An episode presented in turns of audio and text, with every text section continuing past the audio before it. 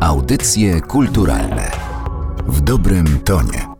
Naszym gościem jest dzisiaj artystka totalna, która sztukę widzi między innymi w przedmiotach.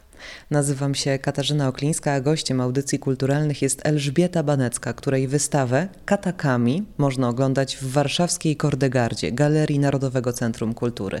Wernisaż ekspozycji dziś, 15 października. Dzień dobry. Dzień dobry. Zacznijmy od tytułu tej wystawy. Katakami to forma papier. Ten materiał papier jest Pani szczególnie bliski. Dlaczego? Dlatego, że jest kruchy? Dlatego, że jest blisko natury? Wie Pani, tobie trzeba było chyba sięgnąć do początków, kiedy ja zaczęłam pracować w technikach graficznych to był ten moment, kiedy zrozumiałam, co to jest papier, bo od papierów właściwie zależy 70% według mnie sukcesu odbitki graficznej. Czy to jest klęsłodruk, czy wypukłodruk, czy techniki własne, które ja stosuję, to papier ma kolosalne znaczenie. Jego konsystencja, skład, czyli czy to jest bawełna, czy to jest papier klejony, czy to jest papier japoński, chiński, koreański. Za każdym razem zachowuje się ten papier inaczej. Ja o papierze mogę mówić non-stop, więc tutaj proszę mi przerwać, jeżeli będę mówić za dużo. Ale oprócz tego, że ten papier potrafi nam również płatać figle, to jeszcze był taki drugi element towarzyszący przy początkach uprawiania grafiki artystycznej. Otóż ja zrozumiałam, że papier trzeba traktować jak królową księżniczkę, nawet królową bym powiedziała, jest bardzo wymagający, delikatny. Jeżeli go złamiemy, biorąc źle w dłonie, to papier staje się już właściwie nie do użytku przy odbitkach graficznych. I tak trwało to wiele lat, ten mój romans z papierem. Zaczęłam rozpoznawać różne papiery, poznawać, poznawać ludzi, którzy również fascynują się papierem. I nagle intensywność poznawania tego papieru również nastąpił w momencie, kiedy pojechałam do Japonii, ale po iluś latach zrozumiałam, że ja za bardzo podniosłam ten papier do rangi takiego medium nietykalnego. Przyszedł taki moment, że postanowiłam ten papier przyswoić. Zaczęłam go delikatnie łamać. Wzięłam na warsztat najcenniejszą dla mnie bibułę japońską i zaczęłam ją sobie składać składać, potem gnieść, potem ją prostować. To już, już było straszne. Bolały mnie wszystkie nerwy, kiedy to robiłam ponieważ do tej pory trzymałam w szufladach ten papier, nie można było rogu zagnieść, byłam w stanie rozwieść się z mężem, jak źle przeniósł mi odbitkę graficzną.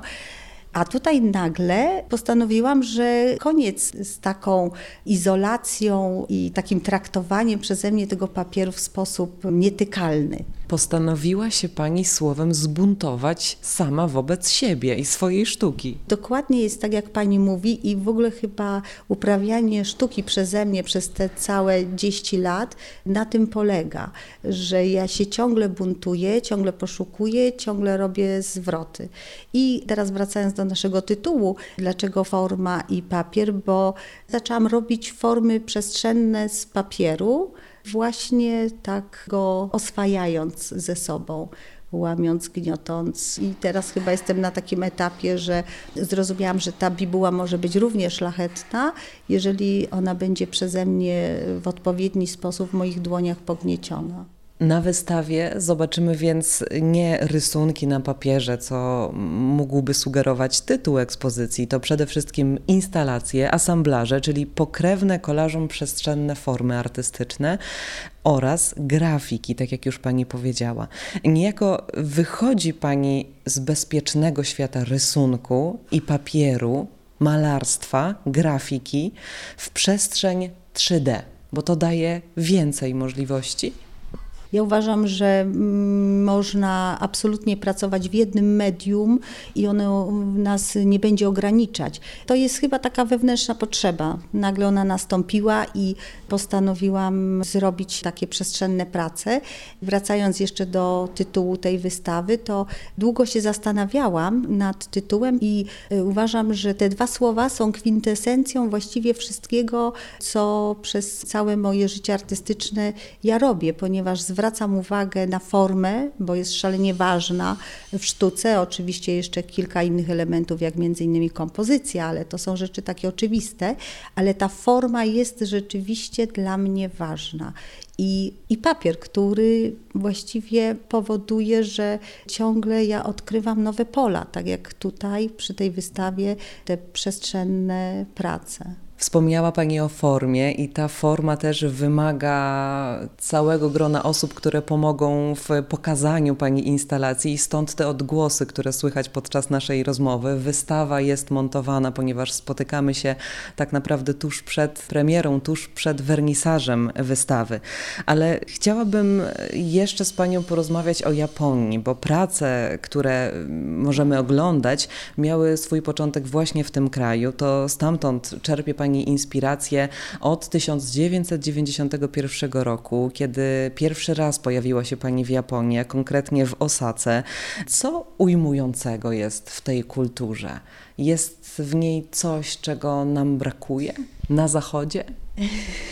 No tak, my jesteśmy ludźmi Zachodu. Potoczne określenie, powiedzenie jest takie, że ludzie Zachodu nie są w stanie zrozumieć ludzi Wschodu i rzeczywiście jest coś takiego, ale ja kiedy pojechałam do Japonii, to nagle zobaczyłam, że czuję się tam świetnie. To jest tak, jak mamy przeczucie, że już kiedyś gdzieś się urodziliśmy.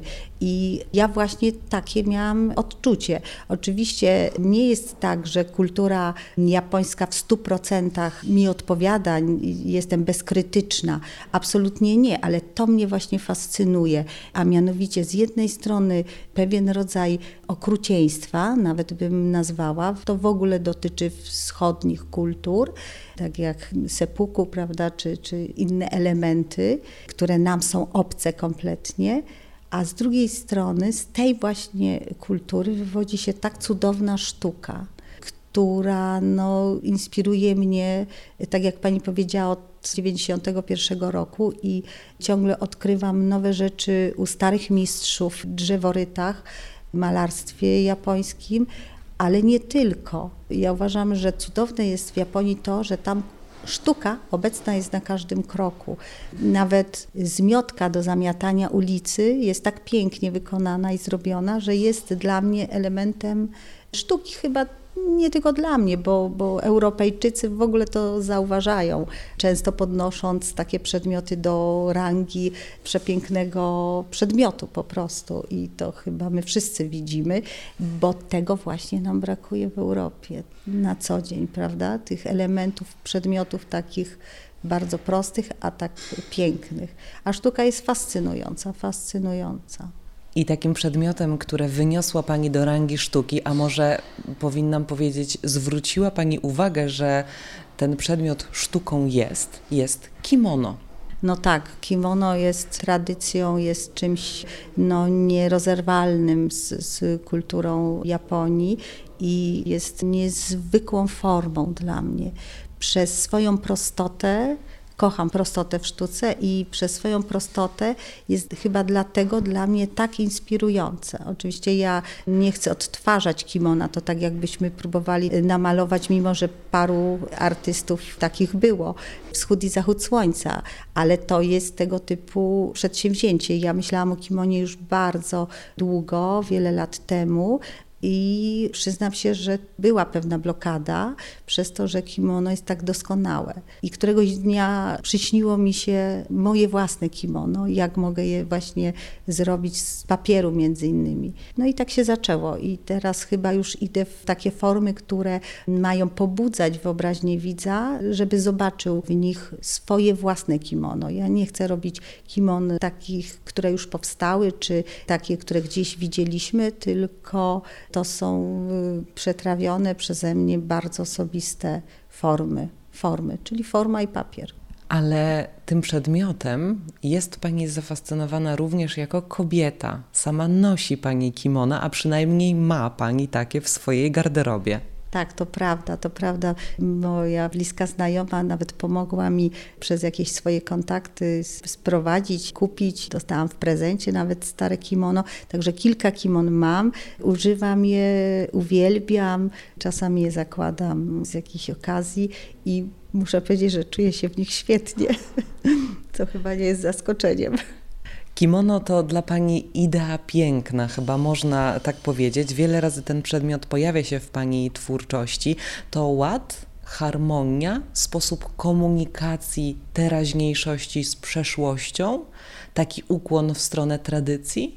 Tutaj muszę powiedzieć, że nie myślałam o ukłonie w stronę tradycji, natomiast no, niewątpliwie są te wszystkie elementy, o których Pani powiedziała w kimonie.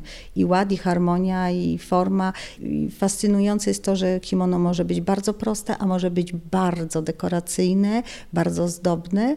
I to chyba jest też taki element, który mnie bardzo inspiruje, że w, w definicji kimona jest powiedziane, że z jednej strony ma być bardzo piękne, dekoracyjne, a z drugiej strony ma się nie wybijać, ma się nie ujawniać na zewnątrz, co zresztą jest ściśle związane z filozofią całą kultury japońskiej zen. Więc to jest, to jest ciekawe. Jak, jak spojrzymy w dosłowną definicję kimona, to mamy y, nazwę coś do noszenia. To bardzo ciekawe, prawda? Coś do noszenia. No, chciałabym, żebyśmy my Polacy chodzili w takim coś do noszenia. Bardzo mi się to podoba. Pomówmy o granicach. Nie tylko między wschodem a zachodem, bo granice zaciera Pani między różnymi gatunkami sztuki także.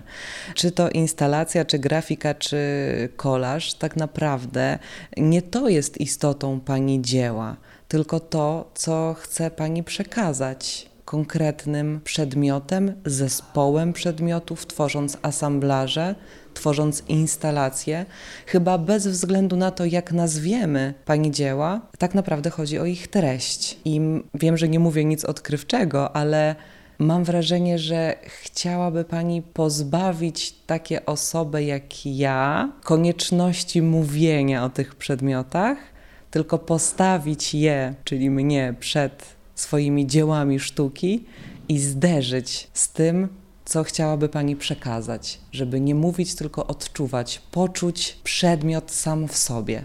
Tu bardzo trafnie Pani chyba odkryła moje nie myśli, a uczucia, bo dokładnie jest tak właśnie, że najważniejszy jest ten przekaz, według mnie, w sztuce emocjonalny.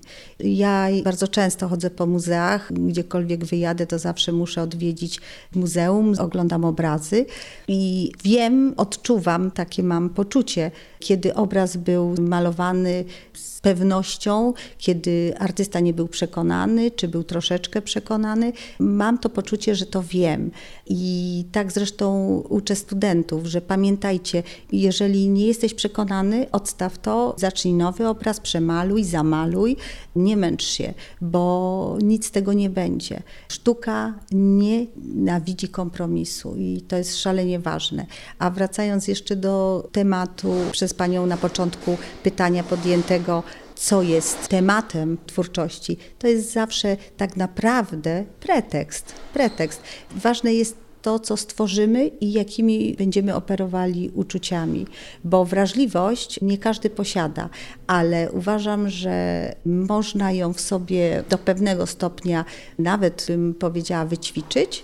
Natomiast uczucia to jest taki element, który każdy z nas ma. Oczywiście inaczej je pokazujemy ale w momencie, kiedy oddamy się sztuce całkowicie, ona odda się też nam. Piękne zdanie do zakończenia naszej rozmowy, ale jeszcze chciałabym poprosić Panią o jedną rzecz. Gdyby mogła Pani nam zdradzić, jakie Pani dzieło, które zobaczymy na tej wystawie, jest trudno powiedzieć Pani ulubionym, ale takim, które chciała Pani pokazać przede wszystkim, w pierwszej kolejności. Takim, o którym Pani pomyślała, że tej grafiki, tej instalacji nie może na tej wystawie zabraknąć. To jest dosyć trudne pytanie, ponieważ ciągle, kiedy robię nowe prace, to te nowe, najświeższe budzą we mnie najmocniejsze odczucia przy kontakcie z tą pracą. Potem czasami mija już ta miłość, przemalowuję te prace, przedrukowuję.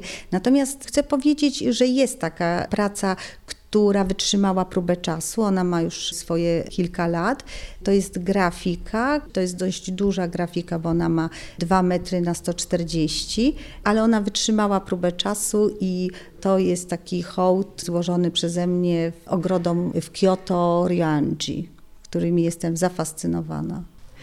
A żeby poczuć się jak w ogrodzie japońskim, należy odwiedzić Kordegarte, Galerię Narodowego Centrum Kultury, gdzie już dzisiaj, 15 października, wernisaż wystawy prac Elżbiety Baneckiej, która była dzisiaj moim i Państwa gościem. Bardzo dziękuję za to spotkanie. Zapraszamy serdecznie. Audycje kulturalne w dobrym tonie.